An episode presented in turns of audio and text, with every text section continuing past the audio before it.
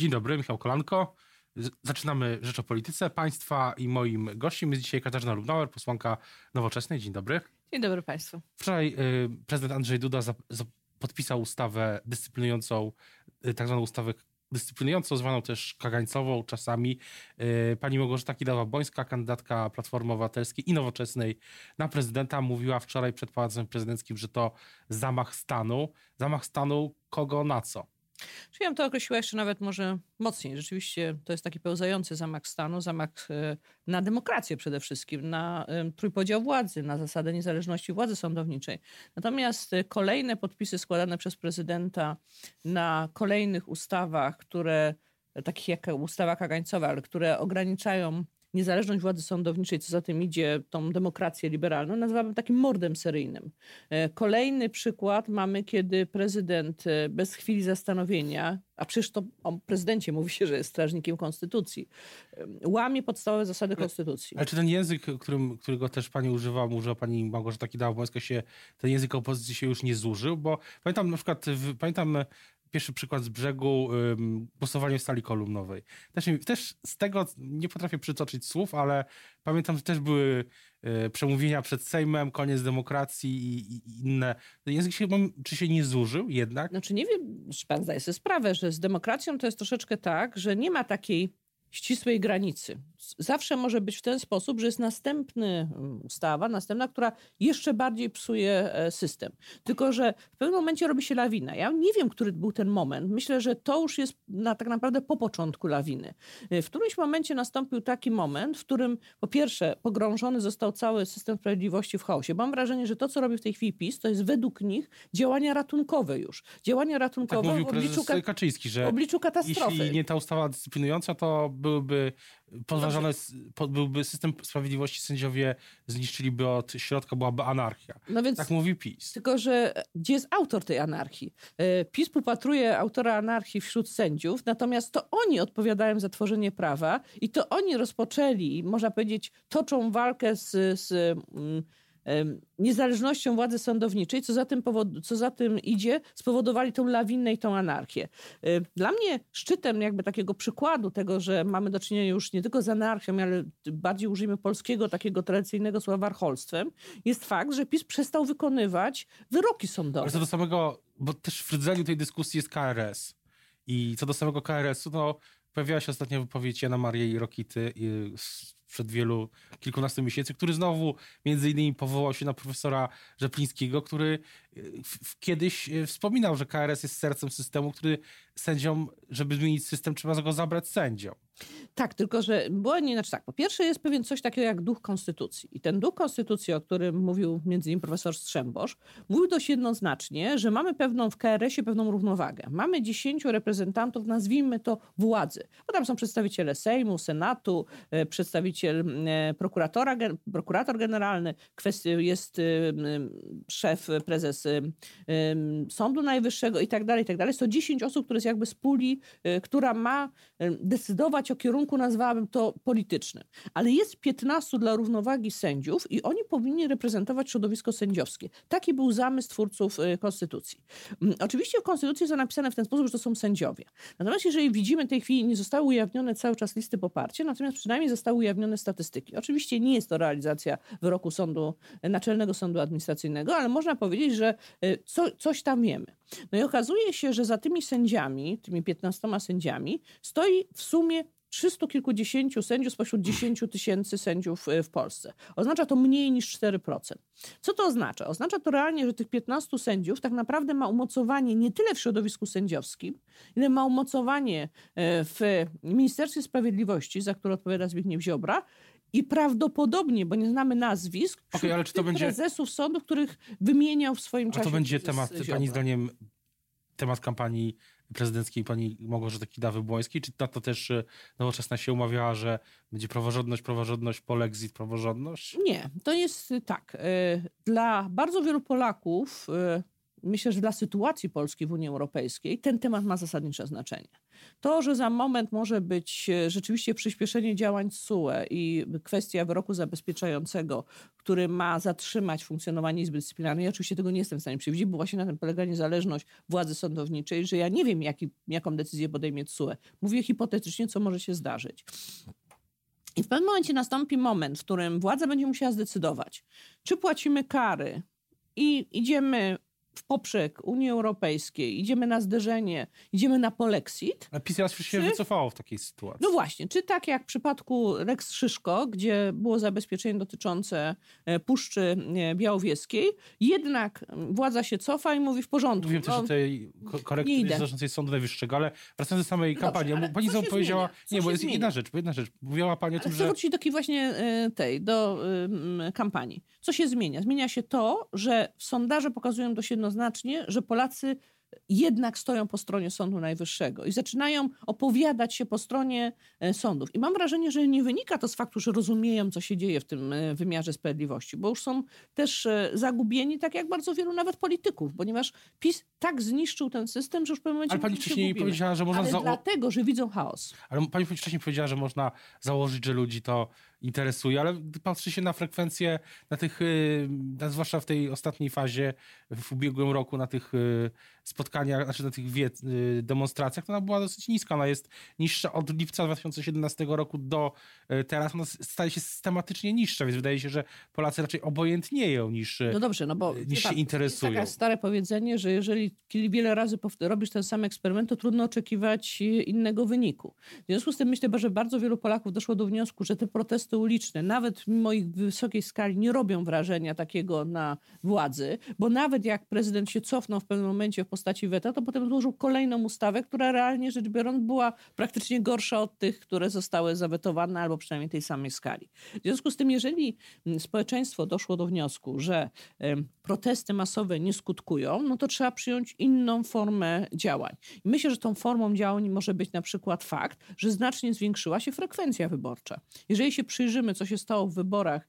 i samorządowych, i potem do Parlamentu Europejskiego i parlamentarnych, to nigdy nie mieliśmy dotychczas, a przynajmniej od wielu, wielu lat, nie mieliśmy tak wysokiej frekwencji. No tak, ale z drugiej strony to ciekawe, wspomniała Pani o tym, że jak się eksperyment powtarza wiele razy i przynosi te same rezultaty, trudno oczekiwać, żeby przynosił następne rezultaty inne. W takim razie, czy opozycja e, będzie będzie inaczej prowadziła kampanię e, do Małgorzaty Kidawy-Błońskiej, bo poprzednie wszystkie kampanie opozycja e, przegrała, poza kampanią senacką, ale to jest wyjątek. No jest tak, po pierwsze mm, wszystko, znaczy tak, My mieliśmy oczekiwania oczywiście wyższe. Mieliśmy oczekiwania, żeby wygrać wybory do Sejmu. Natomiast jeżeli przyjrzymy się obiektywnie sytuacji, w sytuacji, w której władza ma media, w sytuacji, w której ma, władza ma dobrą koniunkturę, która nie jest jej zasługą, ale która po prostu obiektywnie jest, no to sytuacja, w której jednak opozycja miała więcej procent w, w wyborach niż partia rządząca, bo oni dostali 43, a te ugrupowania, które można by było powiedzieć, że tworzyły koalicję europejską, czyli e, koalicja Obywatelska, Lewica i PSL razem miało 48%, oznacza realne zwycięstwo opozycji. Również wynik senacki, który w pełni to oddaje, pokazał, że jesteśmy w stanie no nie, no, ale opozycja przegrała wybory, bo nie rządzi. No to jest proste. No tak, ale to zdaje pan sobie sprawę, że w dużym stopniu odpowiada to system wyborczy, który. Tak, ma... ale raczej PiS Dobrze. go nie zmieni, ani też opozycja. Dobrze. No więc... ale wybory prezydenckie mają inny charakter. Wybory prezydenckie trzeba w drugiej turze mieć po prostu powyżej 50% tych, którzy pójdą na wybory. Więc tutaj fakt, że jeżeli e, wyborcy opozycji, wszyscy zagłosują na tego kandydata opozycji, który przejdzie do drugiej tury, tury czyli jak wykazują wszystkie badania, będzie to zapewne Małgorzata Kidawa-Błońska, jako kandydat najsilniejszego, e, najsilniejszej koalicji i kandydat, który jest najbardziej kandydatem, myślę, środka do zaakceptowania przez wszystkich wyborców szeroko pojętej opozycji, no to w tym momencie szanse na zwycięstwo są całkiem realne. jest y, zadowolona z tego? I powiem więcej. Myślę, że ten wczorajszy kolejny e, element tego mordu seryjnego na polskim wymiarze sprawiedliwości, którego dokonał Andrzej Duda podpisując ustawę kagańcową, też będzie miał, e, będzie jednym z tych kamieni, który przyłoży się Dwie, do zwycięstwa. dwie rzeczy. W drugiej turze, jeśli, a może będzie taki scenariusz jak w, dru- jak w wyborach do Europarlamentu, że w przypadku, kiedy jest jeden blok opozycji albo jeden kandydat opozycji, to wyborcy Prawa i Sprawiedliwości w bardzo dużym stopniu się zmobilizują. Ta polaryzacja zdziała wtedy Dlatego, na korzyść redaktorze, Prawa i Sprawiedliwości w drugiej turze wyborów prezydenckich. Bo teraz jest takie założenie, które pani zrobiła, że, jak w, drugi, że w drugiej turze będzie łatwiej, bo będzie jeden kandydat opozycji, jeden kandydat Prawa i Sprawiedliwości, czy, yy, czy pan, po prostu pan prezydent. No ale to, to nie jest, tak się nie musi stać. Dlatego, panie redaktorze, zawsze mówiłam, że byłoby błędem, gdybyśmy mieli jednego kandydata w pierwszej turze wyborów. Że jeżeli chcemy zmobilizować wyborców, jeżeli oni muszą, mogą odczuć, że ktoś ich reprezentuje, to musi w pierwszej turze być większe grono kandydatów do wyborów. No i mamy w tej chwili, mamy po stronie opozycji, można powiedzieć, czwórkę kandydatów, e, przy czym trójka reprezentuje to, co byśmy nazwali opozycją e, demokratyczną. I teraz E, jeżeli spojrzymy, czyli tą, która walczy z reformą sądownictwa, tą, która walczy o ten trójpodział władzy, mam na myśli kandydata Lewicy, PSL-u i kandydatkę Koalicji Obywatelskiej Małgorzaty Szymona Hołowni pani do tej, A, jeszcze jest, jeszcze jest do Szymon Hołownia. zalicza? Y, On, on oczywiście reprezentuje niezależność, ale to jest też ważne, dlatego że uważam, że zawsze potrzebny jest taki kandydat, który ja nazywam trochę celebrycki, czyli kandydat spoza polityki. Poprzednio taką rolę pełnił Paweł Kukiz, który z, zmobilizuje do pójścia na wybory osoby, które zwykle nie śledzą tak Ale wracając do samej kampanii. kampanii. Kampania jest bardzo spersonalizowana i czy, czy na przykład jest pani ogólnie czymś No, ale zaskoczona? skończyć. I teraz, jeżeli w pierwszej y, turze wyborów y, wyborcy zostaną zmobilizowani i pójdą szeroko z opozycji, zobaczą na szansę zwycięstwa z Andrzejem Dudą w drugiej turze, w ogóle fakt, co myślę, że jeszcze jakiś czas temu był e, nie do pomyślenia i nie do przypuszczenia, że będzie ta druga tura, co wszystko wskazuje w tej chwili, że będzie, no to myślę, że w drugiej turze zwycięstwo jest dużo bardziej realne. I Nowoczesna- tak się działo również z wyborami nowoczesna- 5 lat e, temu. To się jeszcze... Zobaczymy, jak ten scenariusz, czy ten scenariusz się sprawdzi. Natomiast Nowoczesna poparła panią Małgorzatę Kidawę-Błońską. Czy pani jest, e, od tego, to było chyba na początku stycznia, czy jest, to, jest pani zadowolona z tego, jak e, Małgorzata Kidawa-Błońska prowadzi swoją kampanię? Bo e, nie ma rozmowy z politykiem koali- Koalicji Obywatelskiej, kiedy pojawia się temat wyborów prezydenckich. E, o to pytani są i liderzy e, Platformy, i liderzy, nowo, liderzy Nowoczesnej, liderzy e, Inicjatywy Polskiej, lider, liderka. O kampanii Kidawy-Błońskiej i jej pewne niezręczności, przejęzyczenia i tak dalej. Rzeczywiście te przejęzyczenia przy odpowiednio dużej liczbie wystąpień, przejęzyczenia zdarzają się każdemu. Tylko, że jeżeli się jest albo liderem, albo kandydatem na prezydenta, one są bardziej wychwytywane. Ja przypomnę słynne przejęzyczenie Jarosława Kaczyńskiego, który namawiał w 2009 roku do głosowania na Platformę Obywatelską, mając oczywiście na myśli PiS, prawda, że nie będzie patriotą, kto nie zagłosuje na PO. E, Podobnie jak przekonywał, że nikt ich nie, nikt ich nie przekona, że czarne jest czarne, a białe jest białe.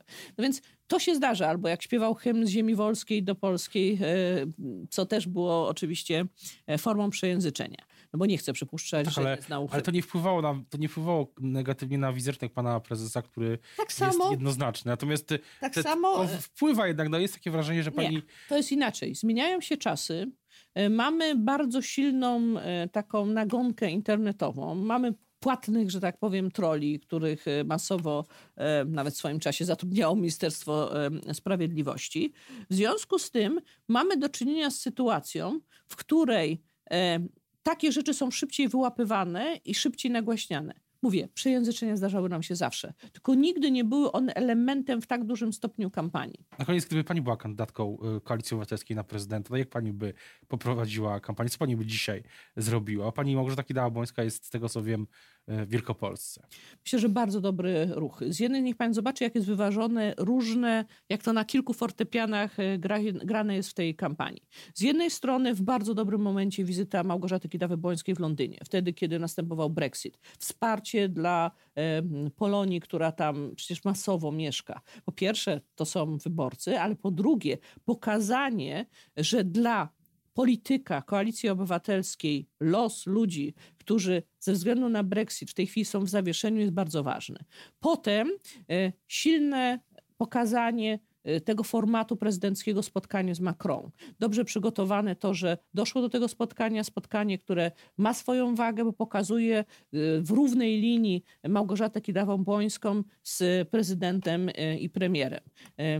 Cieszę się, że Macron się zdecydował na takie spotkanie, ale to też był bardzo dobry ruch ze strony osób... Czyli robiłaby wspierających pani to samo, gdyby była pani I kandydatką. z drugiej, silny głos wczoraj po podpisaniu e, ustawy kagańcowej przez prezydenta, pokazanie, gdzie jest nasze wartości, gdzie, gdzie są wartości Małgorzaty Kidawy-Błańskiej w stosunku do tego, co robi prezydent. I teraz to, co jest też elementem nieodzownym kampanii, czyli odwiedzanie Polaków, Nie, jako czyli wyjazd do Wielkopolski po to, żeby i do innych e, województw, bodajże do, na Pomorze, po to, żeby pokazać, że spotykamy się jako kandydatka, z- gdyby pani była kandydatką, to robiłaby pani to samo.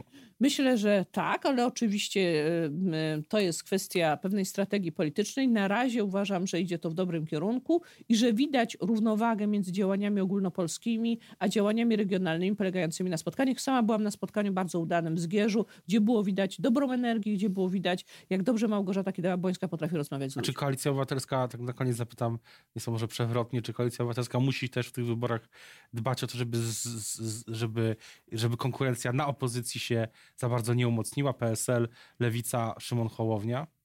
Czy tak, Szymon Hołownia jest w sytuacji trochę e, o tyle trudnej, że wszyscy nie dają mu szans na zwycięstwo. Zresztą słusznie, bo ja akurat mam bardzo negatywny stosunek do tak zwanych polityków celebrytów, czyli polityków, którzy po pierwsze są nieprzewidywalni, ponieważ nie, nie wiemy, jakie są do końca ich poglądy.